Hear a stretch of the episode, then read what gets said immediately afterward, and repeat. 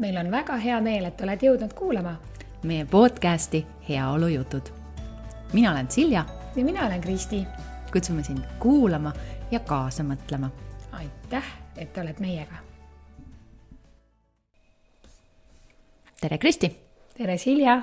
kuidas sul läheb täna hmm.? no kuna me siin oleme üks pool tundi koos vaielnud eh, erinevatel teemadel, siis kui ma ütleksin, et hästi läheb, siis ma ei valetaks. siis sa ei valetaks? siis ma ei valetaks, sest mul ei lähe ju halvasti. okei aga kas äh, õhus on natukene elektrit, siis äh, ikka on jah mm. -hmm. tahad sellest lähemalt rääkida? No me, Laar oli, rääkida ootustest ja piiridest ja nendest vahedest. me räägime ootustest ja piiridest. et meil tekkis siin omavahel selline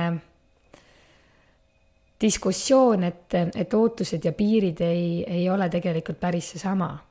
ja mis inimestel tekib, siis see tunne, negatiivne tunne, ma ütleks nii, jah, negatiivne tunne, kui keegi väljendab oma piire ja kuidas siis see on seotud ootustega või ei ole seotud ootustega mm. -hmm. ja see väga põnevalt seda tegelikult ka või nagu arusaadavalt tõid selle näite, võib-olla sa hoopiski mm. jagad kuulajate käest näidet mm no äh, me rääkisime jah sellest, et kui on piirid kellelgi, ehk siis näiteks, et kui meil sinuga situatsioonis on, see ei ole ju saladus, on ju, et me oleme mitu korda ka rääkinud, et Kristi, Kristi jääb vahel hiljaks, on ju. ehk siis, et sinul on see teistsugune aja ja dimensiooni tunnetus ja see aeg ei ole sinu jaoks alati oluline. ja äh, noh, minule teatud olukordades on oluline see, et ma olen pisut varem või täpselt kohal. et noh, nagu ma siin nalja teen, sinu puhul ma olen juba ammu harjunud ja mul on, sa ei ole ainus selline inimene minu elus, kes, kelle jaoks aeg pole tähtis ja ta tuleb siis, kui ta tuleb, on ju. et, et mina selles mõttes olen ammu sellest lahti lasknud ja noh, naljatades äh, ma ikka ütlen, et Kristi varsti tuleb, siis tuleb õigel ajal, õigel ajal, on ju. ja et tõime siis selle näite sellest piiridest, et kui mina ütlen sulle, et äh, noh, võtame oma meie kahe vahel, siis on võib-olla kellelgi hea kõrvalt kuulda ka, on ju, et, et täpsemalt sinna sisse minna. et kui mina ütlen sulle, et palun ole hea, näiteks täna mul on hästi oluline, et sa oled õigel täpsel ajal kohal, palun tule täpselt, siis mis tunde see sinus tekitab? võtame sedapidi, siis ma kohe seletan edasi. no see esmane tunne on, et sa saad aru, et okei okay,, ja, ja siis sa, ja siis sa ju püüadki jõuda, eks. aga ütleme niimoodi nagu päris ausalt öeldes, kui keegi niimoodi ütleb, siis see on ikkagi hästi selline, et, et nüüd on nii Mm. Ja, ja kui me peame nüüd andma hinnangu, et kas pigem negatiivne, pigem positiivne, siis see pigem on nagu selline hüüumärk mm. -hmm. noh, nagu mingi nagu selline käsk on ju mm. -hmm. ja käsud, kas meile väga meeldivad käsud, keelud ja käsud, noh, mitte väga mm. -hmm. et pigem tekib sinna selline negatiivne emotsioon mm. -hmm ja siis sa tõid hästi välja selle, et, et ehk siis see on see, et kui keegi seab oma piire ja annab selle märgi, noh, mis ta tegelikult ju ongi hüüumärk, sa tood selle hüüumärgi seal väga hästi välja. sest piir on see koht, kus näidatakse teisele inimesele, et stopp, siit ma sind üle ei lase. see ei ole minu jaoks okei okay.. et kui sa siit üle lähed, siis see tähendab seda, et sa kas sõidad üle minu tunnete või minu väärtused saavad kannatada või ehk siis selleks, et mina oleksin terve, selleks siin on hüüumärk ja siit edasi ei saa ja selles mõttes see hüüumärk on väga-väga hea nagu näide, et kui sa kujutadki ette seda äh, kolmnurkmärki, on ju, et punased ääred ja valge sees ja siis see must hüüumärk, et täpselt selline hüüumärk see piiride seadmine ongi.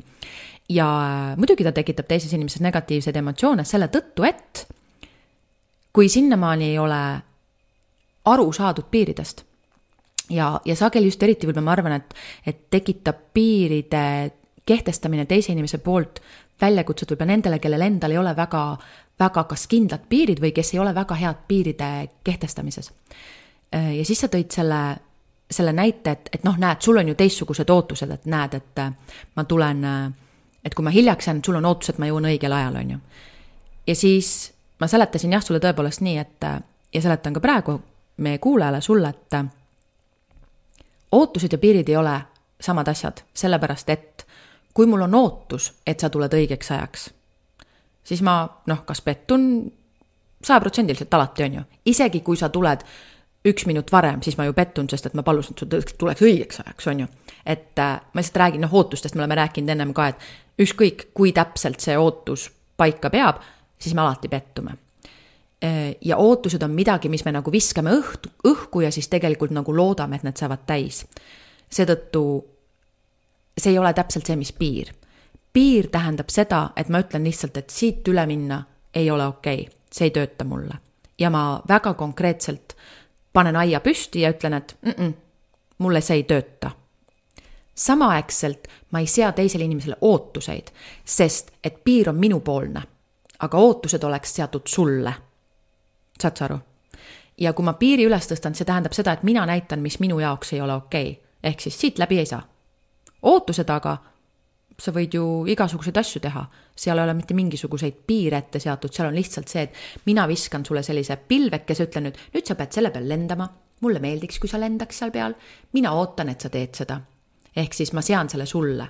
piirid aga ma kehtestan enda poolt äh, ja selleks, et teised ei saaks sealt läbi.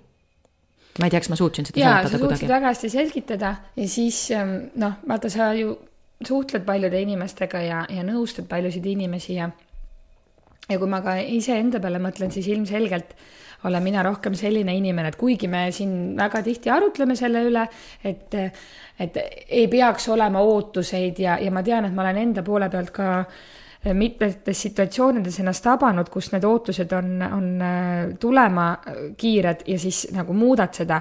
ent ikkagi, kui ma ennast analüüsin, siis ilmselt olen mina ka üks siis neid selliseid, kes neid pilvekesi rohkem õhku laseb. Neid ootusi on rohkem kui neid piire. nüüd ma julgen arvata, et selliseid inimesi, kellel on väga selged piirid või kes vähemalt nagu selgelt need iseendale ja ka teistele siis arusaadavalt väljendavad. Neid ei ole väga palju, et neid ootuste inimesi on palju rohkem. millest see tuleb? noh, eks ega see enese kehtestamine ei ole ju üldse väga kerge teema. enese kehtestamine, vot millest see tuleb, no ma arvan, et seal on väga palju põhjuseid, millest see tuleb, seda ma sulle päriselt ei oska, noh, ei, ei oska öelda, ma võin arv-, nagu aimata ja arvata ähm, eks seal on see, et äh, kui meil on näiteks olnud väga kerge võib-olla saada oma tahtmist, ilma et, äh, et me peaks kehtestama mingeid piire ja kui meile ka ei ole õpetatud piire kehtestama, äh, siis on see väga lihtne sealt niimoodi läbi, läbi lennata. kui me oleme pidanud võitlema enda eest mingisugusel määral, ehk siis me oleme kas kas kasvanud inimestega või meie ümber on olnud õpetajad, kellel on väga head piirid ja kes on neid kehtestanud, siis me õpime ise ka neid kergemini kehtestama. ehk siis võib-olla natukene piiride puhul on see, et äh, sõltub iseloomust, sõltub äh, äh, ruumist, kus me kasvanud oleme, sellest keskkonnast, kus me kasvanud oleme ja loomulikult, et milliste inimestega me oma elus kokku puutunud oleme. aga kui sa nüüd mõtled iseenda peale, et me oleme mitmeid kordi mhm. ka maininud just, kust keskkonnast ka sina tuled, on ju, mhm. siis ma usun, et seal nüüd väga palju neid piire ei olnud. aga ometigi sa täna oled selline hea piiride seadja. oi, mu isal olid väga head piirid. et mu isa oli selline väga range ja väga, väga konkreetselt oma piiride väljaütleja, väga suur enesekehtestaja et see on kindlasti üks asi ja teine asi minu puhul ma arvan, see noh, üks, üks, see on, et ma ei tea, kas ma seda isast õppisin, seda ma ei ole päris kindel, ma ei saa nii öelda. Ähm, ent ma arvan, et ma kindlasti olen seda õppinud äh, noh, loomulikult igasugustel koolitustel ja kõik muu, ent ka oma suhetest, kus on olnud inimesed, kes äh, on nagunii ähm, võib-olla üks nendest võib-olla nartsisslik olnud ma arvan, kui ma tänasel päeval tagasi vaatan mu üks elukaaslastest ähm, noores põlves, et siis inimesed, kes tegelikult sõidavad sinust muidu teerulliga üle. ja kui sa. mõni näide. no sellest samast suhtest. ja ma lihtsalt mõtlengi, et see on nii-nii ammu, et ma nagu väga ei mäletagi ähm, no kasvõi võib-olla mingid sellised asjad, et kus sa tahad puhkama minna näiteks on ju, et, et meie lähme sinna. või et mina lähen ja sina tee, mis tahad. või noh, nagu sellised näited, et, et kus siis nagu sinu, ütleme siis minu suhte kohaselt, et kus minu arvamus pole kunagi tähtis olnud. aga mis sa siis tegid, kas sa nagu leppisid sellega või sa astusid sellest välja või sa lihtsalt noh, see ei toiminud, sai otsa ja siis sa järgmine kord olid targem? kõik asjad kokku ähm,. esmalt see tegi loomulikult väga haiget. ja läksin sellega kaasa lihtsalt nii, sest et ma kohe alguses ei osanudki muud moodi äh,. siis ähm,, siis ma hakkasin natuke vastu võitlema ehk siis neid piire nagu tahtma seada. ega see väga kerge ei ole inimestega, kes sul teerullist üle sõidavad. et nende puhul piire seada, siis noh, proovi panna väike puuaiakene ja nemad on teerulliga, vahet pole, sõidavad üle, on ju. et siis ma õppisin nagu neid piire kuidagimoodi niimoodi tunnetama. ja siis lõpuks ma astusin sealt välja, jah, tõepoolest, sest et teerullile, noh, võid müüri ka ette panna, ikka päeva lõpuks sõidavad üle. eriti kui on selline nartsissistlik tüüp, et äh, sinna ei ole mitte midagi teha, noh, inimesed ei muuda, on ju. ent mina jah, tõe, tõepoolest õppisin päeva lõpuks oma piire seadma. ja ma arvan, et see, täpselt nagu sa ütlesid, see on tegelikult üks oskus, mida väga vähesed inimesed kas noh, teadlikult kindlasti väga vähesed arendavad, on ju. et mõnel võib-olla on, mõnel ei ole. ent päeva lõpus teeb see meie psüühika palju tervemaks. Selle... ja ma tahtsin just küsida, et mm, -hmm. et kuidas see nagu sinu sinu tänast elu, kui sa mõtled, kus sa olid, näiteks seesama suhe, mis sa välja tõid, eks, kus sa eh,, sul ei olnudki võimalust neid piire, noh, alati on võimalus, aga sa ei osanud ja siis, kui sa proovisid, siis enam ei, see ei toiminud seal. et kui sa mõtled nagu, kus sa täna oled, kuidas su elu on parem? ma tunnen ennast palju kordades paremini. selle, selles mõttes, et mu, mu peas on rahu. Mu sees on rahu.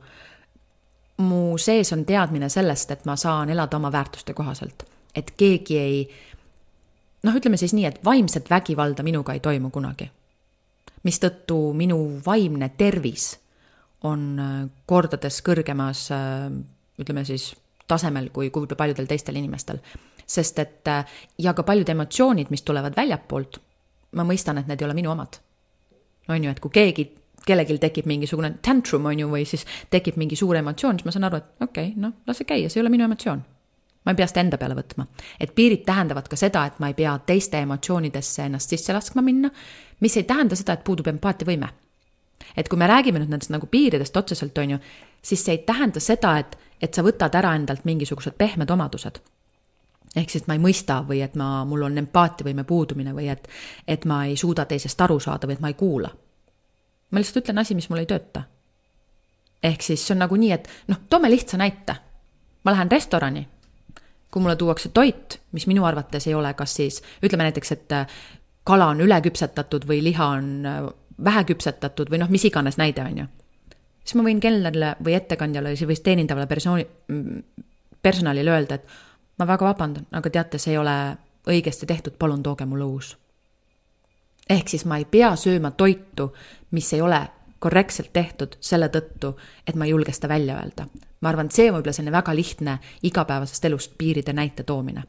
et ma võin julgelt öelda, et teate sellega ei ole siin kõik hästi, palun tooge mulle uus. või et oi, te tõite mulle vale tellimuse, palun tehke uus. jah, ja vaata, kui seda niimoodi kõrvalt kuulda, on ju, siis ei saagi öelda, et, et, äh, et seda ei peaks nii tegema, siis see tundub hästi nii, et see on väga, see on väga õige, nii peaks ka olema, et miks sa peaksid elama siis sellises kohas, kus sul ei ole hea olla või miks sa peaksid siis seda heaolu nii-öelda vähendama või, või äh, selles negatiivses tundes olema.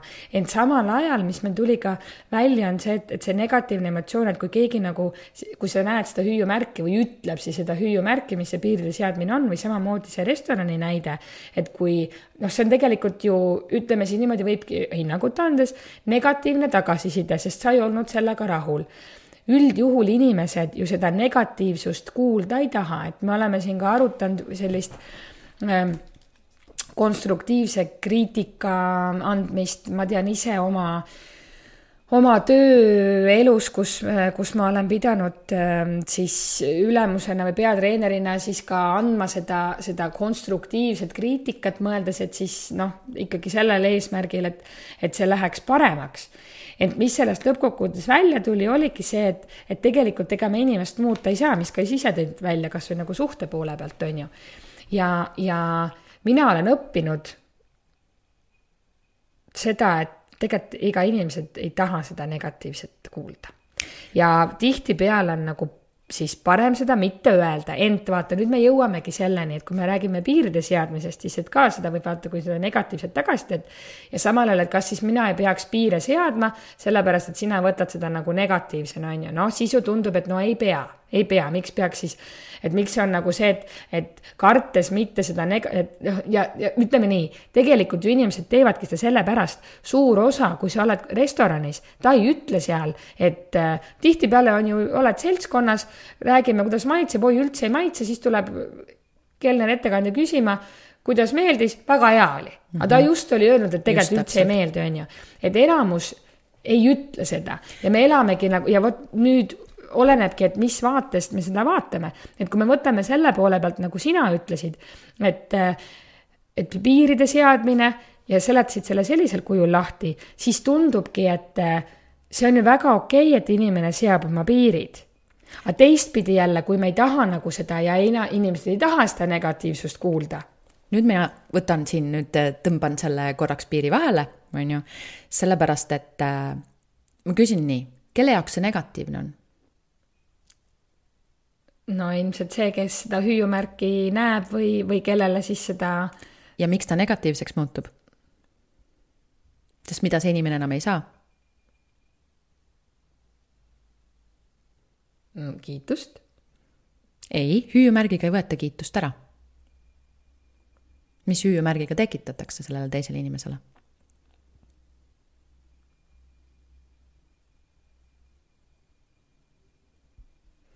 Võimalus käituda oma ootuste kohaselt ja sealt tuleb see ootus. ehk siis ootus ei tule selle inimese poolt, kes piire seab, vaid ootus tuleb selle inimese poolt, kes tahaks piiridest läbi sõita. sest et tal on teatud ootus, kuidas see asi peaks minema. või kuidas tema jaoks, nagu kasutame siis seda hinnangu andmist, positiivselt asi laheneks. ehk siis, kui me võtame selle kelneri või selle restorani näite, on ju. näed, köögis tehti toit valmis, noh kuidas iganes, kas läks lihtsalt kehvasti või ei, ei pandud tähele või noh, nägid isegi, aga saatsid ikkagi sellele inimesele siis sinna lauda selle toidu, on ju, mis ei olnud hästi valmistatud. Nende ootus oli, et selle, selle toiduga on tehtud. siin on kõik hästi, võime järgmise laua juurde minna, see oli nende ootust, on ju, konkreetselt. võib-olla isegi seal teinekord on see, et noh, äkki läheb läbi, on ju. ja nüüd, kui mina sean piirid, ütlen, et ei, see toit mulle ei sobi, palun tehke uuesti, siis nüüd nende ootused läksid metsa, nad peavad uuesti tegemast hakkama ja selle tõttu on see negatiivne, sest et nende ootused läksid luhta. ja miks see hüüumärk mõnedes teistes olukordades ka tundub negatiivne, ongi see, et teisel inimesel on teistsugused ootused. mitte see, et minu, minu hüüumärk on negatiivne. sest et päeva lõpus, kui me vaatame, kui me kõnnime kuskil äärelinnas, igal majal on aiad ümber. on ju, et kas need kõikides aia, kas need kõik aiad on negatiivsed ei, seal on maja ümber aed, sellepärast et see minu kodus on piir, kust sina sisse ei tule ilma luba küsimata.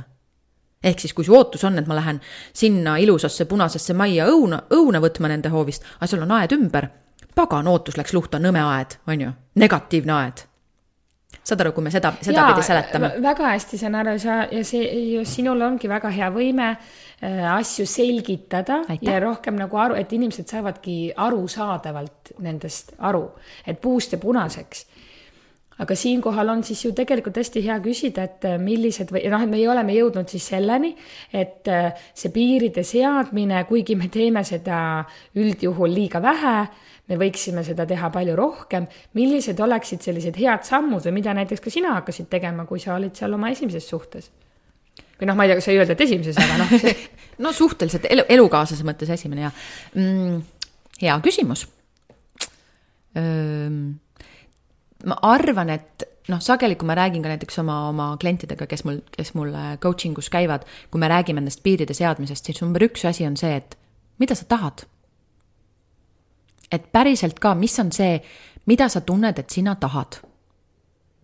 sageli noh, kui mul tulevad mõned naisterahvad, ütleme näiteks, kellel võib olla mingi väljakutse isegi sellega, et lähed koos sõbraga või sõpradega või elukaaslasega või kellegagi lähed restorani ja sa ei oska valida, mida sa süüa tahad. ja ma tean, et see tundub võib-olla mõne jaoks nii absurd, on ju, ja mõne, mõne teise jaoks on nii, et jaa, ma ei tea mitte kunagi, mis ma tahan, on ju. see on see, et hakka valima seda tegelikult, mis päriselt tahad, hakka tunnetama seda, mis sulle päriselt hea on. ja tead, kui tihti inimesed ju tegelikult, nad ei teagi, kui sa küsidki nii, aga, aga mida sa siis soovid?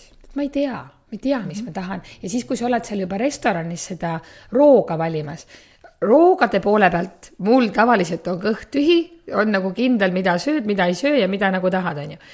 aga võib-olla kuskil mujal siiski on hea öelda, et mina alati tean, mis ma tahan, ikkagi tuleb neid hetki ka.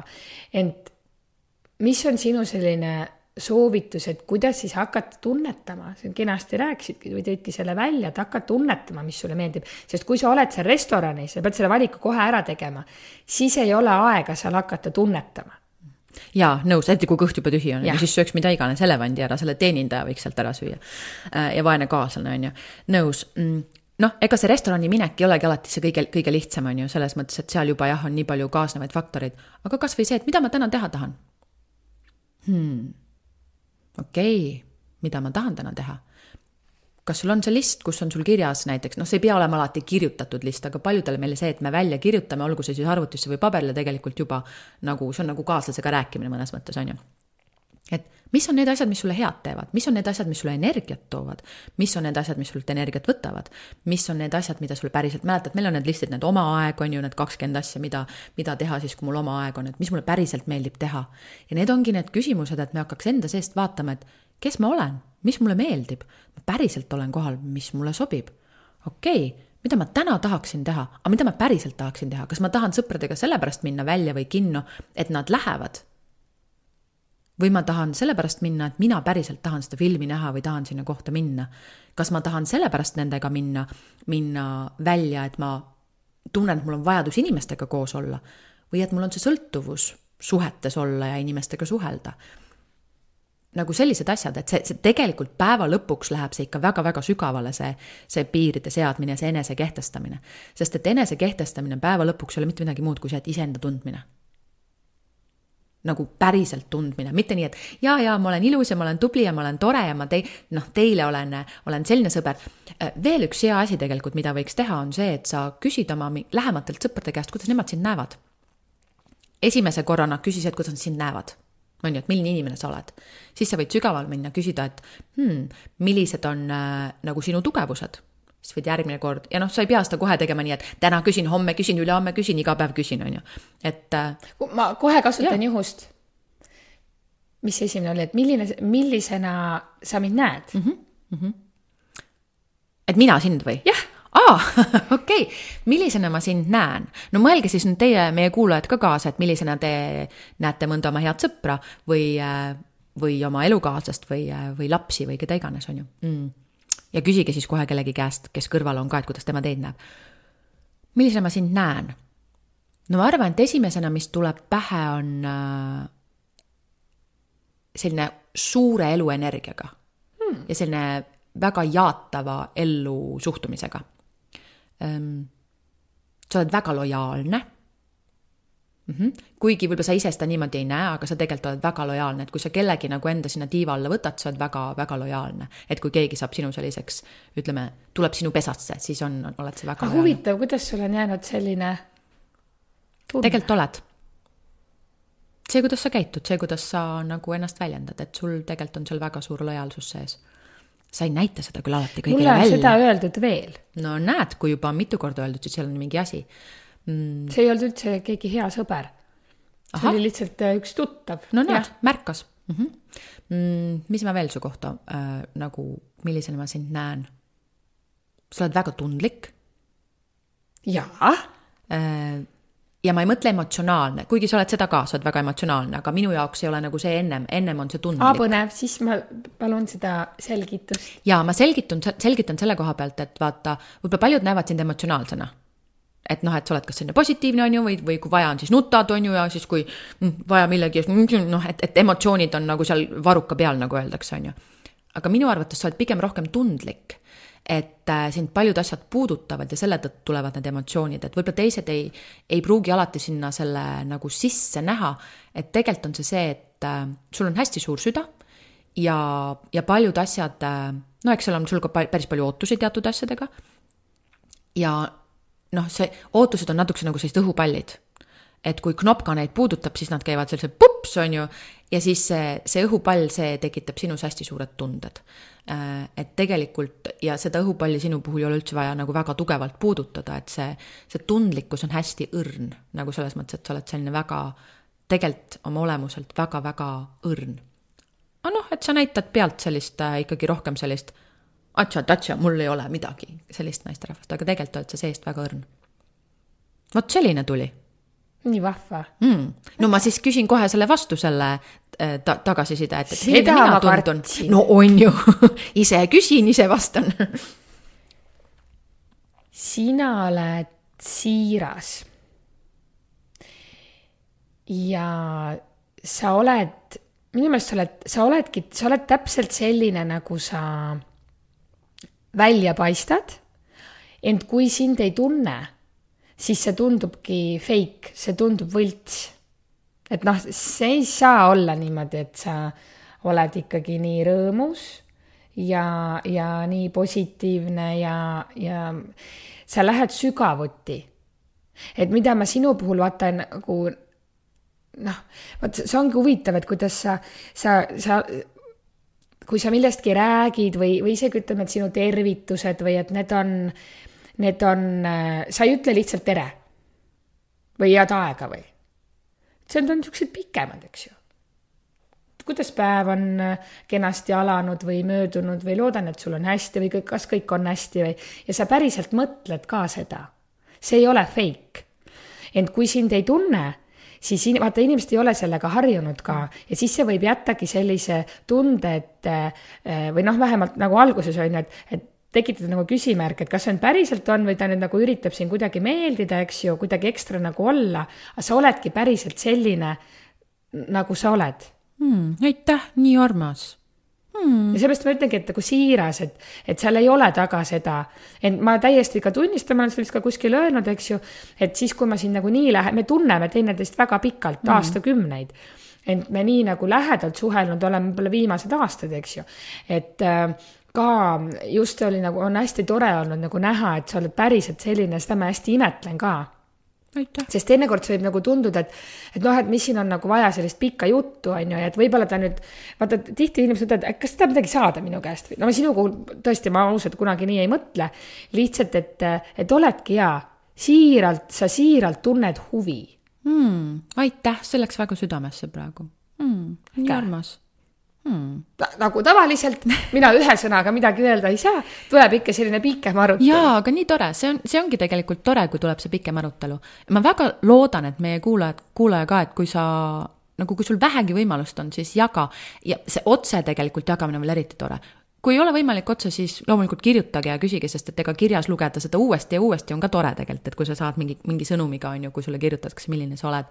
ja mida mina sinu puhul hästi veel hindan ja mis mulle meeldibki, on see, et sinu käest saab alati head nõu no sul on alati, vaata, on ikkagi see vastus, vastus on olemas. ma ei kujutaks Silja ette nagu sellist äh, varianti, et ma sinu käest midagi küsin, sa ütled, ma ei tea või et siis sa, või siis sa kuidagi nagu noogutad kaasa, eks ju, ja sa panedki inimese, noh, loomulikult vaata, sa oled ka terapeut, sa oskad ka sa natukene seda suunata ja, ja noh, et, et sa ei pea ka alati andma seda vastust, on ju et min-, meil on olnud tihtipeale seda, et mina tahan, ma tahan ka seda vastust ja kes meil ei taha, anna seda plett, on ju, võtan selle ära ja siis nii on et inimene hakkaks nagu ise rohkem ka mõtlema ja küsid, aga kui on vaja, ega sul on see vastus ju olemas, eks. et siis ikkagi selle ütled ka, et, et sul on hästi tore võime äh, anda neid vastuseid mm,. et sina oled kindlasti selline inimene, kelle käest alati saab väga head nõu mm,. aitäh, nii armas. see on väga vahva, mis sa välja tõid tegelikult. ma ei tea, kas ma seda jaganud kuskil olen, aga äh,, aga äh, ma siin, kui ma talvel tegin jälle uuesti Kaidi Lauri selle, selle koolituse läbi, kus selle elu eesmärgini jõudsime. sest ma tegin seda teist korda, sest esimest korda ma tundsin, sain ka väga hea nagu vastuse, aga ma jõudsin siis nagu sellisele, ütleme rohkem elu motoni võib-olla, on ju ja ma muidugi eelmine kord ei saanud sellest aru, et see, et see oli see, et ma mõtlesingi, et see oligi juba elu eesmärk. aga nüüd ma jõudsin tegelikult siis nagu selle tuumani ja ma ei tea, kas ma olen sulle jaganud, ent äh, mina sain sealt sellise vastuse, et ma olen alkeemik, kes aitab inimestel jõuda muutusteni ja päris tegudeni ja see on nii vahva, et sa selle nagu välja tõid, et, et ma päriselt ka teinekord tunnen ja, või noh, mu eesmärk nagu ongi, et ma, ma tajun, et ma tahaks, et inimesed päriselt teeksid. mitte nii, et aa, see on see põhjus mm -hmm,, okei okay. ja siis lähevad edasi kuskile, see ei töötanud, on ju. vaid et nagu päriselt ka nad jõuaksid sinna, et nad võtavad selle sammu. ja, ja nii tore, mis sa ütled, et, et nagu, et on anda mingisugune võib-olla noh, et et ma alati võib-olla ei hoia tagasi, vaid ma ütlen selle asja, sest et teinekord ma tajun seda, et kui liiga palju nämmutada midagi, siis inimene ei hakkagi tegema, sest et noh, see kõik ongi nagu selline limmu-nämmu ja nii tore ja aga vahel on vaja seda, ma olen näinud, et inimesel on vaja lihtsalt öelda, siis ta jääb korraks seisma, ta mõtleb. aa, okei okay. ja isegi kui ta astub sealt väikse sammu, siis see on juba tegelikult juba suur samm, jah ju. sest vaata ja sul ongi hästi hea tunnetus, et millal mida, millal nagu tasub anda ainult see õlekõrseks või siin on olnud ka see üks selline hea näide oli, ma nagu pikalt sellele ei peatu, aga, aga sa ei pea nii-öelda nagu andma veel seda, noh, vaata kalamehegagi on, eks ole, et, et anna see õng, et ära anna veel kala, aga teatud situatsioonides on vaja ka seda kala anda. lihtsalt mitte iga kord, eks ju, sul on hästi hea tunnetus, millal mida, millal õnge, aga millal peab seda kala ka natukene andma, võib-olla mm. väikese on ju, aga ikkagi Just. kala. no aga vaata, kui ka väga näljas oled, siis võib ka kala ka anda, on ju. see on nii vahva jällegi, aitäh, mis sa jagad, see on hästi tore, see läheb mulle südamesse. üks äh, mu tuttav ütles mu kohta niimoodi, et äh, ma olen tunnete tõlk. jaa, väga ja. hästi öeldud, ma olen täiesti nõus, kirjutan alla. aitäh ja ma mõtlesin, et ma kirjutaks isegi ükskord ühel päeval, kui ma sinnamaani jõuan, et ma ikkagi raamatu valmis kirjutan, siis ma kirjutaks ka sellise raamatu, mis on tunnete tõlk. et kuidas nagu märgata ja kuidas saada seda oskust, et tegelikult panna tähele ja tajuda, et äh, mis siis seal tunde taga on ja kuidas nendes seal niimoodi nagu mängida, et jõuda tegelikult päriselt ka arusaamani, et mida siis aga kui vajab. sa nüüd mõtled, Silja, no selles mõttes, et sa ju oled ka ikkagi jõudnud kuidagi sinnani, kus sa täna oled, et mis on sinu jaoks olnud kõige rohkem selline õpetaja, õpetaja, kes on olnud, ei pea olema kes, kes ja mis on olnud sinu jaoks kõige suurem selline õpetaja ja õppetund? hmm.?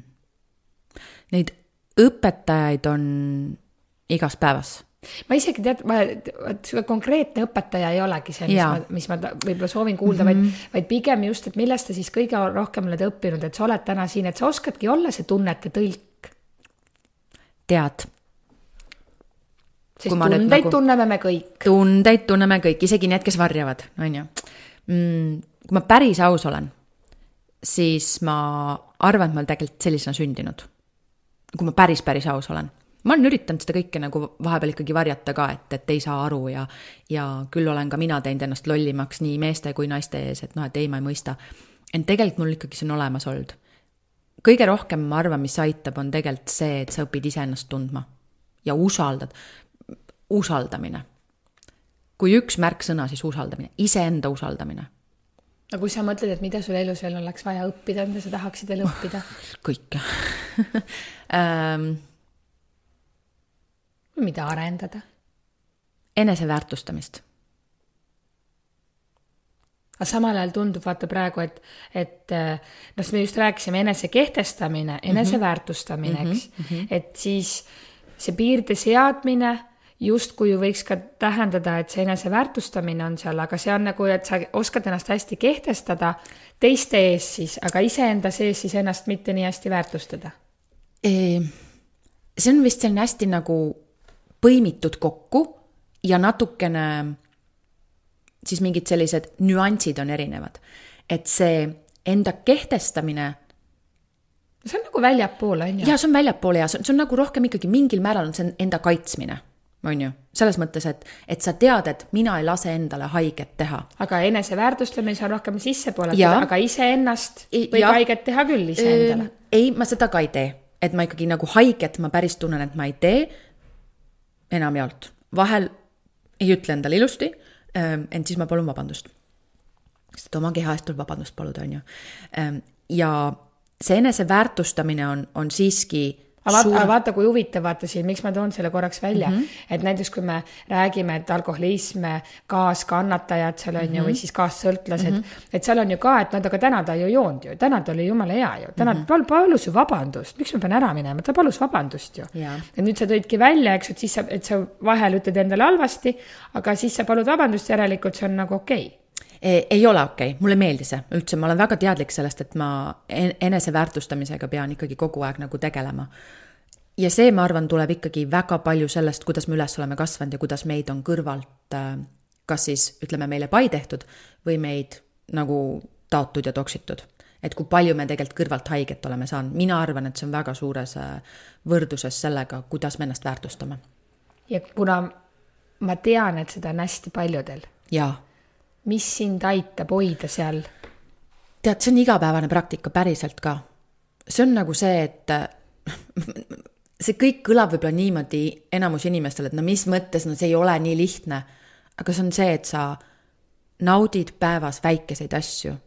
et sa oled tänulik lihtsate asjade eest ja et sa päriselt hoiad ka oma meelt selles, kui me võime nii öelda, selles kaalukausi positiivsemal poolel sest et noh, me kõik teame ju, vaata, kui siin päike väljas paistab, ilm on ilus, meel on hea, keegi ütleb komplimendi, täna on tore suhtlemine. väärtustad ennast kordadest rohkem, on ju. aga mis sa näed, mis sind kõige rohkem viib sellest rivist välja, siis kui sa, et millal tulevad, mis sul nagu trigerdab neid hetki, kus sa tunned, et ei, seda eneseväärtustamist kuidagi praegu see ei tule välja? mis sind trigerdab iseenda kohta, ütleme halvasti, mõtlema halvasti? Kui ma hakkan võrdlema ennast kellegi teisega, see on kõige suurem asi, võrdlus. vaata, kui hea selle pointi praegu välja tõid, et püüda vältida enese võrdlemist teistega. ja, isegi ka võib-olla võrdlemist äh, mitte ainult teistega, aga võrrelda ka iseendaga eelmist, enne. sest et äh, noh, sa ise oled ka seda rääkinud, et vaata, olid hästi-hästi peenikene, on ju, kui sul oli see suur operatsioon ja siis äh, tõusid üles, mõtlesin, noh, natuke võiks veel alla võtta. on ju, et, et nii kui me hakkame ennast nagu ka võrdlema sellega, mis eile oli või mis iganes oli, siis kohe läheb asi käest ära. või seesama, mis siin ühe kliendi näidegi toodud, et, et viis aastat tagasi olin viisteist kilo, küll tahaks saada tagasi seda ja siis ütleb, et ent siis ma ju tegelikult ei olnud ka rahul. jaa, et noh, vaata see aastad tagasi või isegi kuu tagasi, see on minevik.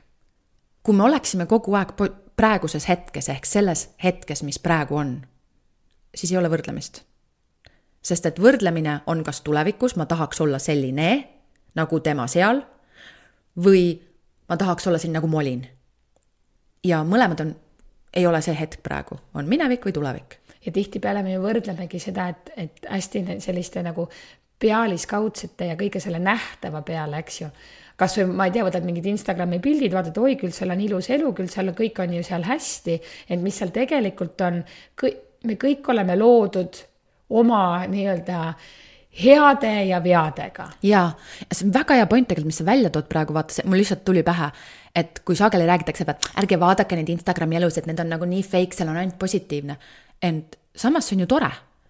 selles mõttes, et kui ma nagu inglise keeles capture the positive moment, et kui ma selle positiivse hetke jäädvustan siis mul on võimalik tagasi minna ja vaadata seda positiivset hetke ja see tekitab ju minus mingi hea emotsiooni, on ju.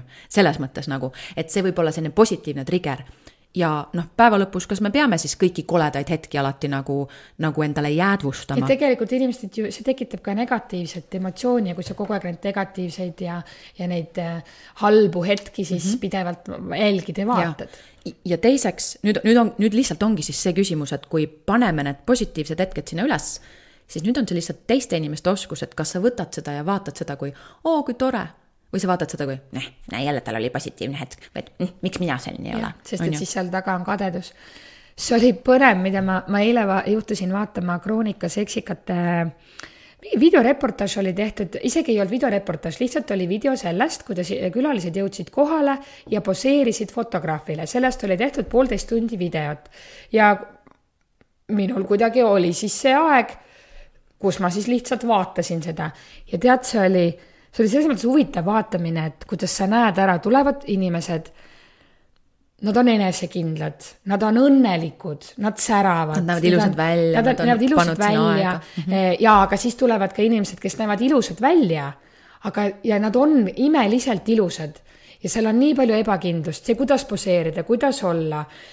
Ehm, siis, kuidas üritatakse seda noh, et mitte välja näidata, et see seal on, on ju, aga tegelikult sa kehakeelest saad nagu aru. See oli, tead, see oli väga, ma soovitan sul seda vaadata, sest see oli väga huvitav või kuidas tulevad paarid, milline on paari dünaamika, kui sa näed, et seal on nagu selline armastus või selline ja ja siis, kuidas inimesed üritavad ennast kuidagi noh, eriti esile tõsta ja tead, see oli huvitav vaadata. inimeste vaatlemine on üks parim asi õpid nii palju selle kohta, et mis tegelikult toimub, on ju, et ja õpid seda peentunnetust seal sees, et aa, mis see päriselt tähendab mm,. kehad näitavad nii palju.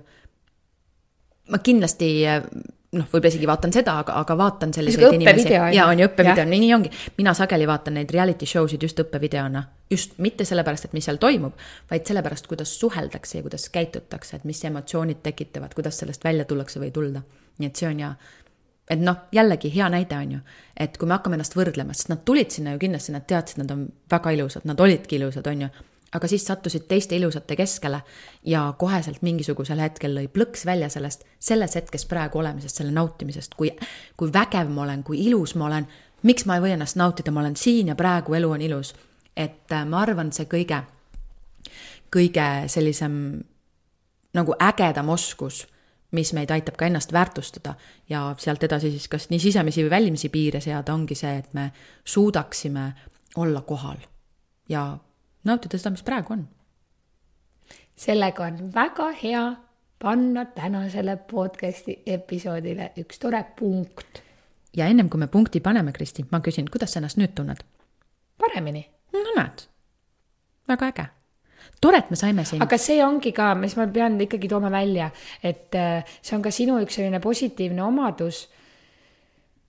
ma ei, issand, seda on nii raske sõnadesse panna, kuidas sa, kuidas sa oskadki nende asjade üle arutleda selliselt, ma ei tea, nagu mis see oli, terve inimene või, või, või arutlev inimene? Eluterve. eluterve mm -hmm. jaa, elutervelt mm. -hmm. et seda elutervet arutlust oleks meile kõigile, ma julgen küll öelda, et rohkem vaja. no et meil siis jätkuks neid toredaid vestluseid. väga äge, aitäh sulle, Kristi aitäh sulle, Silja mm,. ilusat päeva kõigile ja järgmise korrani